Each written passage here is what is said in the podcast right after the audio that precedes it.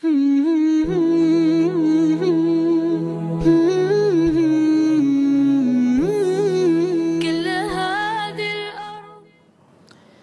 kedua, apa hal yang harus kita selesaikan dalam diri kita sebelum betul-betul Islam itu harusnya merubah kita menjadi sesuatu yang bermanfaat dan menjadi sesuatu yang sifatnya merubah pada kebaikan. Yang kedua, selesaikan bagaimana kita memandang kehidupan. Ini penting juga. Ini karena apa? Karena setiap anak muda selalu dipenuhi dengan idealisme. Dan salah satu idealisme yang hari ini dominan dan mayoritas difikirkan oleh anak muda itu apa? Uang. Bahkan kadang-kadang maaf ya, di pekerjaan dakwah itu pun sampai akhirnya yang difikirkan adalah uang. Padahal yang kita harus mengerti ketika kita berusia pada usia muda, idealisme untuk memiliki kekayaan dan cita-cita supaya nanti kaya boleh, tidak terlarang. Karena memang Allah membagi muslim itu dua. Ada muslim yang berkelapangan harta, ada muslim yang berkesempitan harta. Tapi yang ingin saya sampaikan di poin yang kedua itu apa? Selesaikan dulu. Bagaimana kita menata, bagaimana kita memandang kehidupan ini bahwasanya kita harus terus untuk tidak pernah berhenti dan tidak pernah lelah untuk mengkondisikan bahwasanya yang mencukupi kita itu sejatinya bukan uang tetapi yang mencukupi kita sejatinya adalah Allah. Kenapa saya harus sampaikan ini? Supaya nanti ketika kita perjalanan hidup kita, kita tidak terkena insecure hanya gara-gara kita sering, sering membandingkan kehidupan kita sama orang. Hari ini kan gitu ya. Katanya salah satu fenomena yang hari ini banyak menimpa kepada anak muda itu insecure. Dia merasa tidak percaya diri, membandingkan hidupnya sama orang lain, membandingkan hidupnya sama apa itu sama temennya, bahkan dengan meme-meme yang sifatnya melucu tapi menggambarkan tentang bagaimana hatinya, misalkan jiwa miskinku berontak dan lain sebagainya. Di sinilah kita harus memahami. Mari kita selesaikan yang kedua. Saya cuma menyampaikan bahwasanya terlalu remeh kalau kehidupan kita itu hanya memikirkan untuk mendapatkan duit. itu persis sebagaimana binatang yang memikirkan makanannya setiap dia bergerak.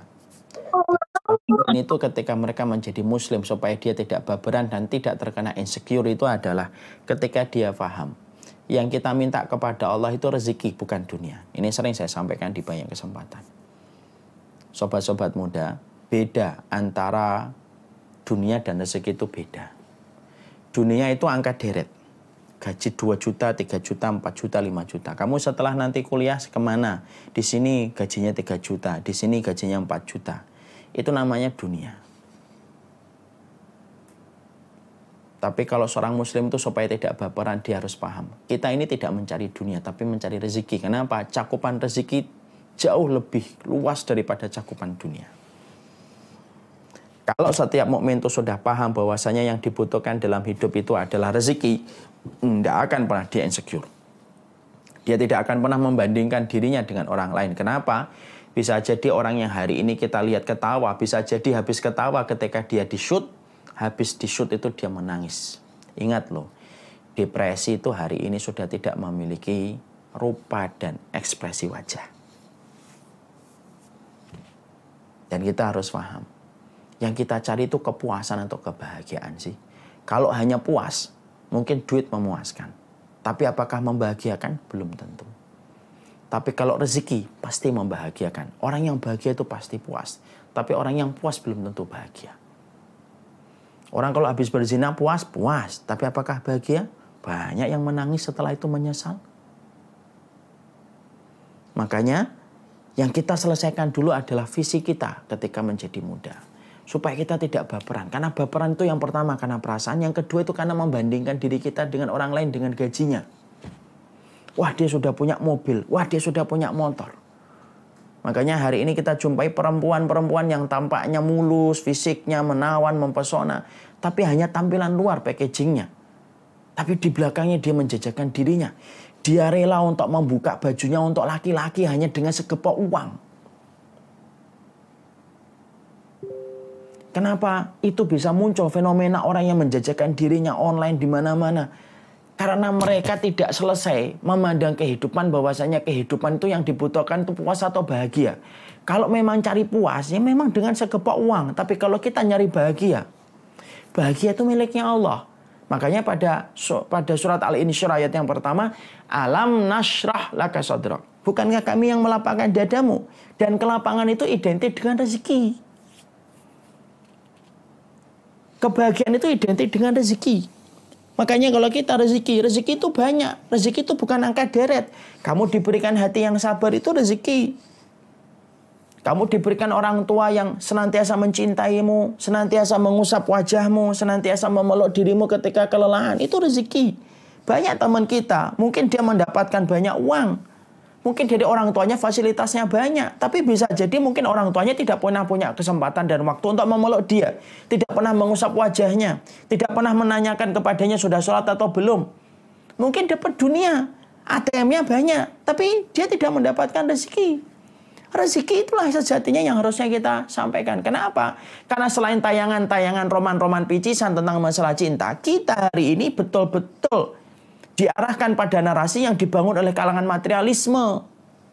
Semuanya itu harus pakai duit. Makanya ada gaya dan fenomena outfit, dihitung. Bajumu harganya berapa, Terus kemudian jamu berapa harganya, mereknya apa. Kenapa fenomena itu sempat viral sampai banyak orang itu dihitung outfitnya gitu. Karena kita diarahin supaya kita tuh nyari duit, membeli barang-barang branded yang dibuat dan diproduksi oleh mereka Lalu kemudian kita merasa bangga padahal dalam hitungan satu dan dua tuh satu dan dua tahun barang yang kita dulu beli puluhan juta hanya dalam waktu dua dan tiga tahun barang itu sudah tidak ada lagi harganya. Siapa yang paling besar mengambil keuntungan? Pabrik-pabrik kapitalisme. Makanya pekerjaan yang harus kita selesaikan yang kedua itu apa? Masalah kita memandang kehidupan. Kita itu pengennya puas atau bahagia. Kalau kemudian kita pengennya adalah bahagia, berarti bahagia itu identik dengan rezeki. Nanti ketika sudah kuliah kok tiba-tiba kita cuma mendapatkan pekerjaan yang biasa. Tapi ternyata keluarga kita baik, istri kita paham, suami kita mengerti kita. Itu jauh lebih baik daripada ada orang yang dia viral, duitnya banyak. Tapi bisa jadi belum tentu dia mendapatkan rezeki.